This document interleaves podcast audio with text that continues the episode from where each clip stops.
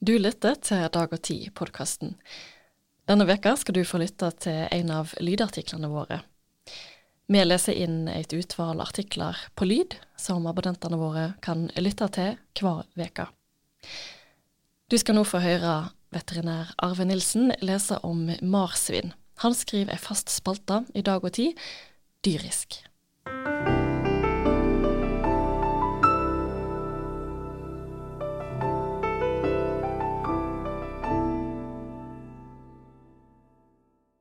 Dette er spalta Dyrisk i Dag og Tid, der jeg, veterinær Arve Nilsen, skriver om dyreliv og veterinærspørsmål. Og det er jeg som leser. Marsvin. Marsvin er gnagere uten noe slektskap med griser. Det var kan hende den korte, kraftige kroppen og de mange griseliknende lydene som gjorde at tyske sjøfolk som tok marsvina med som mat på overfarten fra Sør-Amerika til Europa, kalte de Meerschweinchen, eller små havgriser. Opphavlig ble marsvina avla fram som husdyr til mat for folk som bodde i Andesfjella, men her i Europa har de hatt en karriere som populære forsøks- og familiedyr. Sør- og Mellom-Amerika er et stort landområde der det fra naturens side var påfallende få ville dyrearter som kunne temmes til husdyr. Det viktigste lokale husdyra før den europeiske koloniseringa var lama, alpakka, moskusand og marsvin. Marsvina var husdyr som kvinnene hadde ansvaret for, og som ofte ble fôra opp i mørket inne på kjøkkenet, der dyra kunne få rester fra matlaginga og sjøl være lett tilgjengelig for å havne i gryta. Dyra var sikkert også lekekamerater for ungene i familien, og de hadde mange steder en viktig kulturell rolle. Marsvin ble mellom annet trudd å ha magisk lekende evner. For alvorlige sykdommer kunne det hjelpe om den legekunnige masserte pasienten med et marsvin. De svarte marsvina var særskilt helsebringende. Dette skulle hjelpe mot leddsykdommer og andre kroniske smerter, og etter behandlinga kunne de måle hvor mye av sykdommen medisinmarsvinet hadde dreget til seg ved å avlive dyret og gjøre en kjapp analyse av innvollene. En lignende praksis finner vi i moderne kjæledyrassistert terapi, som blir brukt til å senke stress og øke livskvaliteten til mennesker som er lagd inn på institusjoner. I et kontrollert og vitenskapelig forsøk med marsvinterapi på en rehabiliteringsklinikk i Sveits kunne de måle at all klappinga og strykinga var positivt for den psykiske helsa til mennesker, men at marsvina sjølve ble tydelig triste av all terapien. De obduserte rett nok ikke marsvina etterpå, men auka stress hos terapimaskina ble målt ved annet stigende kroppstemperatur og redusert matlyst.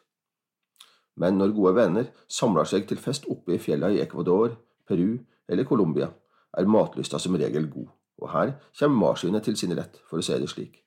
Marsvin er festmat og kultur, og blir helst ete helstekt, fra hovedet til den vesle halen. Kjøttet skal være magert, mørt og velsmakende. Hadde den siste nattverden gått føre seg i Andes, er det ingen tvil om at Jesus hadde delt et marsvin eller tolv med disiplene sine, noe den argentinske antropologen Eduardo Archetti også fant skildra på et maleri i Cuzco-katedralen i Peru. Det er likevel ikke som mat marsvinet har gjort karriere hos oss her i Europa.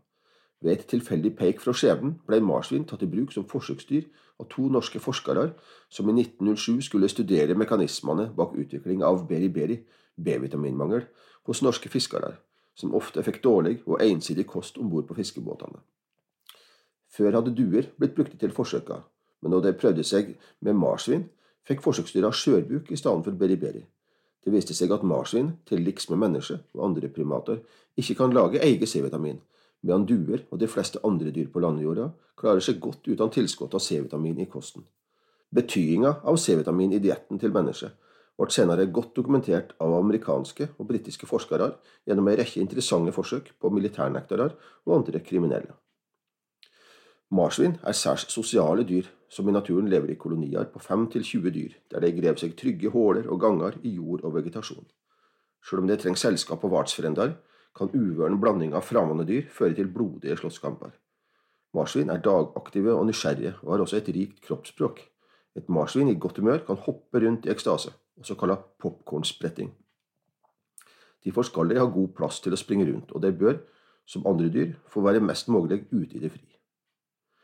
Utenom popkornsprettinga er noe av det artigste med marsvin at det har et godt utvikla språk og kan kommunisere med innfløkte pipe- og brummelyder. Jevn hyling tyder at de er sultne, ujevn hyling, at de er ensomme eller rastløse. Gnisser de med tennene, kan det tyde sinne. Kort brumming er et signal om frykt eller fare. Mellomlang brumming kan være et trusselmål til andre rivaler, medan dyr som er tilfredse og rolige, kan melde fra om det med lange brummelyder eller en rekke klukke- og plystrelyder. Marsvin i fangenskap kan bli over ti år gamle, men diverre har nok mange dyreeiere for lite kunnskap om åtferda og behovet av dere til å kunne gi dem et godt nok liv. Det har òg vært vanlig å gi unger ansvaret for disse dyra, sjøl om det i loven om dyrevelferd er satt ei tydelig aldersgrense på 16 år for å kunne ha ansvar for levende dyr. Fra naturens side er marsvin laga for å ete stivt og lite fordøyelig gras, en rent plantebasert diett som gjør det naudsynt å ete store deler av dagen, og som gir kraftig slitasje av de rotløse gnagertennene. Feilernæring og tannproblem er derfor vanlige lidinger for kjælemarsvina.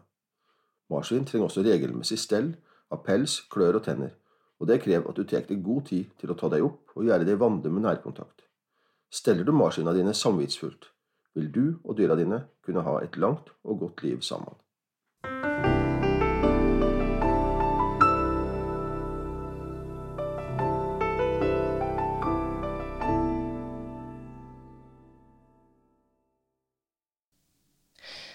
Ble du nysgjerrig på lydavisa vår? Da kan du bestille deg et gratis prøveabonnement på dagogtid.no prov. Vi er tilbake igjen neste uke. Takk for at du lytta.